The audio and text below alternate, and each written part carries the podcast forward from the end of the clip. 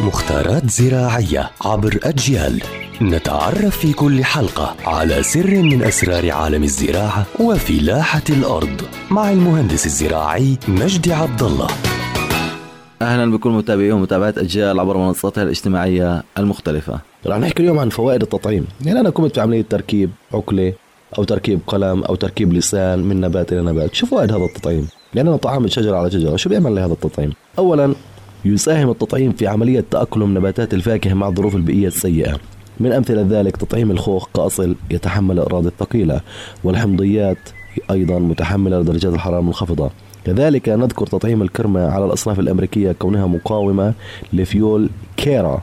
فالتطعيم يعني لما إحنا نطعم شجرة على شجرة بيكون الطعم قوي جدا الأصل بيكون قوي زي الطعم. تمام.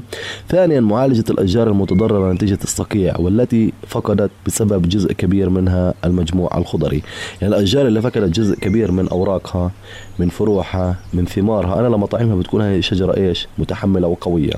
ثالثا يمكننا الحصول على أشجار متجانسة ودخولها المبكر في طور الإثمار. من خلال التطعيم طبعا يمكننا استبدال بعض الأصناف بأصناف أخرى حسب رغبة المستهلك. يعني لما أنا أطعم مثلا ليمون على برتقال مثلا شخص معين عنده ليموني بده هاي الليمونة تنتج له أربع أصناف. يعني هاي الليمونة تكون برتقاني وتكون ليموني وتكون مندلينا حمضيات بنحكي. هاي الليمونة بطعم فرع برتقان وبطعم فرع مندلينا وبخلي باكل فرع ليموني فالليمونة نفسها بتنتج له ثلاث أصناف من الحمضيات. هذه فوائد التطعيم.